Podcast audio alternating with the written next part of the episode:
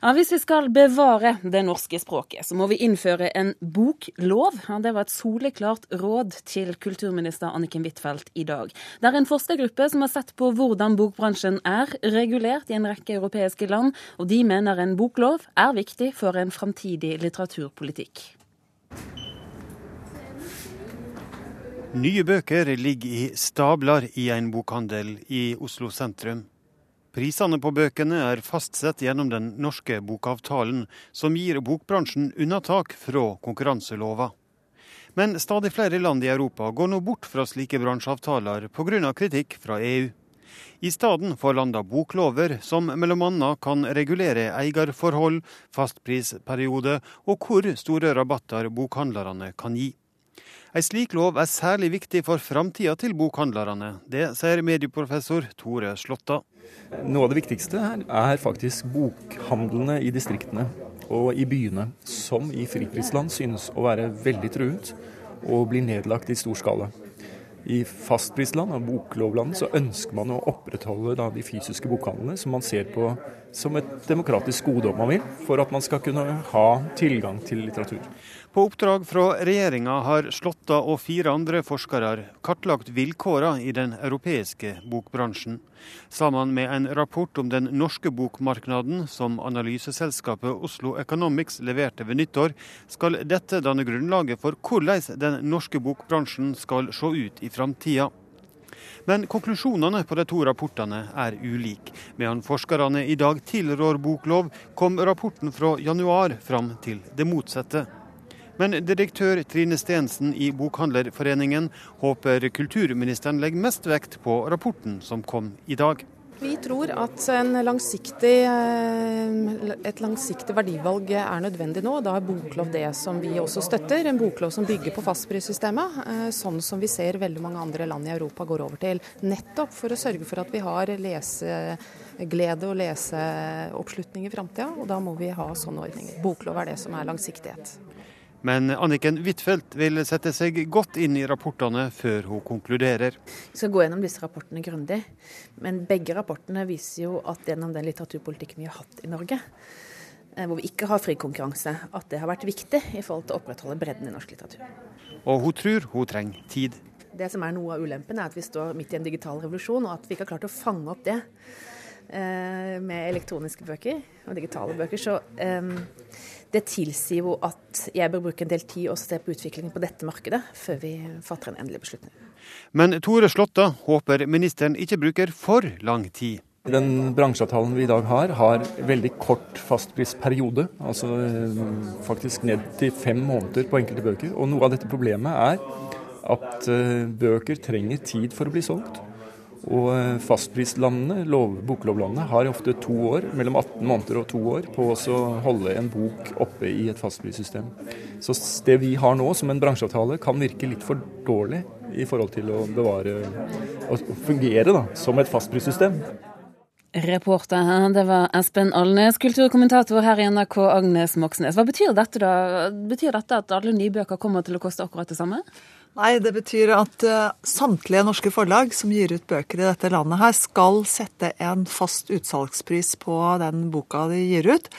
De bestemmer selv om den prisen skal være høy eller lav, men den prisen de setter, den skal ikke rokkes ved før det har gått halvannet til to år. Hvorfor det?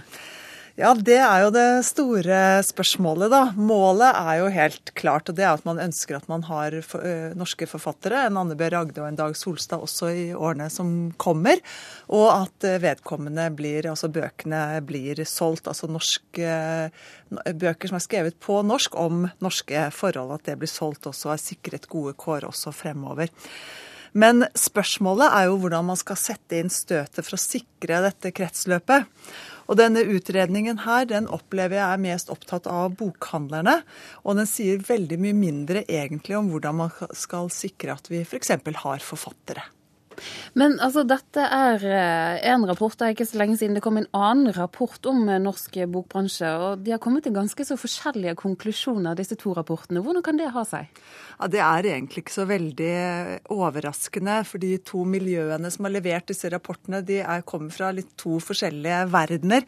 Den første rapporten som ble levert rett, eh, eller altså helt på nyåret, var det vel. Den, laget, den tok for seg den norske bokbransjen og er laget av økonomer og folk som tidligere jobbet bl.a. i Konkurransetilsynet. Og de har egentlig alltid hatt, liksom, hatt et litt skjevt blikk på dette at bokbransjen har fått lov til å operere litt sånn på utsiden av vanlige konkurranseregler.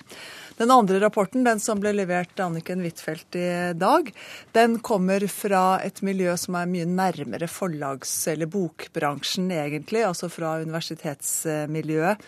Overras eh, konklusjonen derfra er overhodet ikke overraskende. Den er akkurat den samme som flertallet i bokbransjen eh, har, og det er at vi må ha en boklov. Det er mye snakk om norsk bokbransje for tiden. Det er ikke lenge siden boken 'En bokpushers bekjennelser' kom. Hvordan står den i forhold til det vi har hørt i dag? Ja, det er, Jeg vil si at det er nesten en tredje rapport som Anniken Huitfeldt eh, Jeg håper hun tar den inn på bordet sitt og leser den egentlig litt sammen med de to rapportene som er kommet nå. Eh, jeg kan tenke meg at bokbransjen selv ikke er så veldig glad i den boken som Kristin Einarsson, som var direktør i Bokklubben i veldig mange år, eh, leverte fra seg nå i begynnelsen av denne uka her. Fordi den boka så veldig tydelig ser, viser hvordan bokbransjen selv nokså kynisk utnytter de konkurransefordelene de har hatt i disse siste årene. Rapporten i dag den er nå overlevert til kulturministeren. Anniken Huitfeldt, hva tror du hun tenker nå? Jeg tror egentlig ikke hun blir så veldig mye klokere av disse to rapportene. Hun har fått noen veldig, veldig fine gjennomganger av eh, hvordan forholdene er eh, i, både i Norge eh, og i de 15 landene som denne siste rapporten har gått igjennom. Eh, hun har fått vite at ni av, eh, av, disse 15 europeiske landene har gått inn for en boklov. Men det hun også får vite, det er at det er veldig vanskelig å sammenligne de boklovene som eksisterer. Ingen av de landene som eh, man har sammenlignet seg med nå, har så gode ordninger som det vi har i Norge. Og da snakker jeg om at vi har momsfritak. Altså alle bøker som omsettes i Norge er fritatt for å betale moms. Vi har en helt unik innkjøpsordning som betyr at 1000 eksemplarer av samtlige skjønnlitterære utgivelser og en del sakprosabøker også kjøpes inn til biblioteket i et antall av 1000. Og så har vi veldig gode eh, avtaler mellom eh, forfattere og forlag i dette landet her. Eh, til slutt, eh, e-boken. Hva sier disse rapportene om den? Ja, Det hørte vi Anniken Huitfeldt selv si her, at hun måtte fange opp og utrede akkurat den det, når det altså utrede hva som skal skje, eller hvordan man skal se på e-boka. Fordi at det er jo ingen tvil om at hvis man skal få en boklov, så må hele systemet ses under ett. Du kan ikke ta ut e-boka og forholde deg annerledes til den enn du, ser, enn du gjør når det gjelder resten av bokbransjen. Eh, disse to eh, rapportene som er levert henne nå, de sier nesten ingenting om e-bøker. De forholder seg til bransjen sånn som den er og sånn som den har vært, og den sier egentlig ingenting om hvordan den kommer til å bli. Det er, et, eh, det er rett og slett ganske uheldig. Agnes Moxnes, takk for at du var med oss her i Kulturnytt.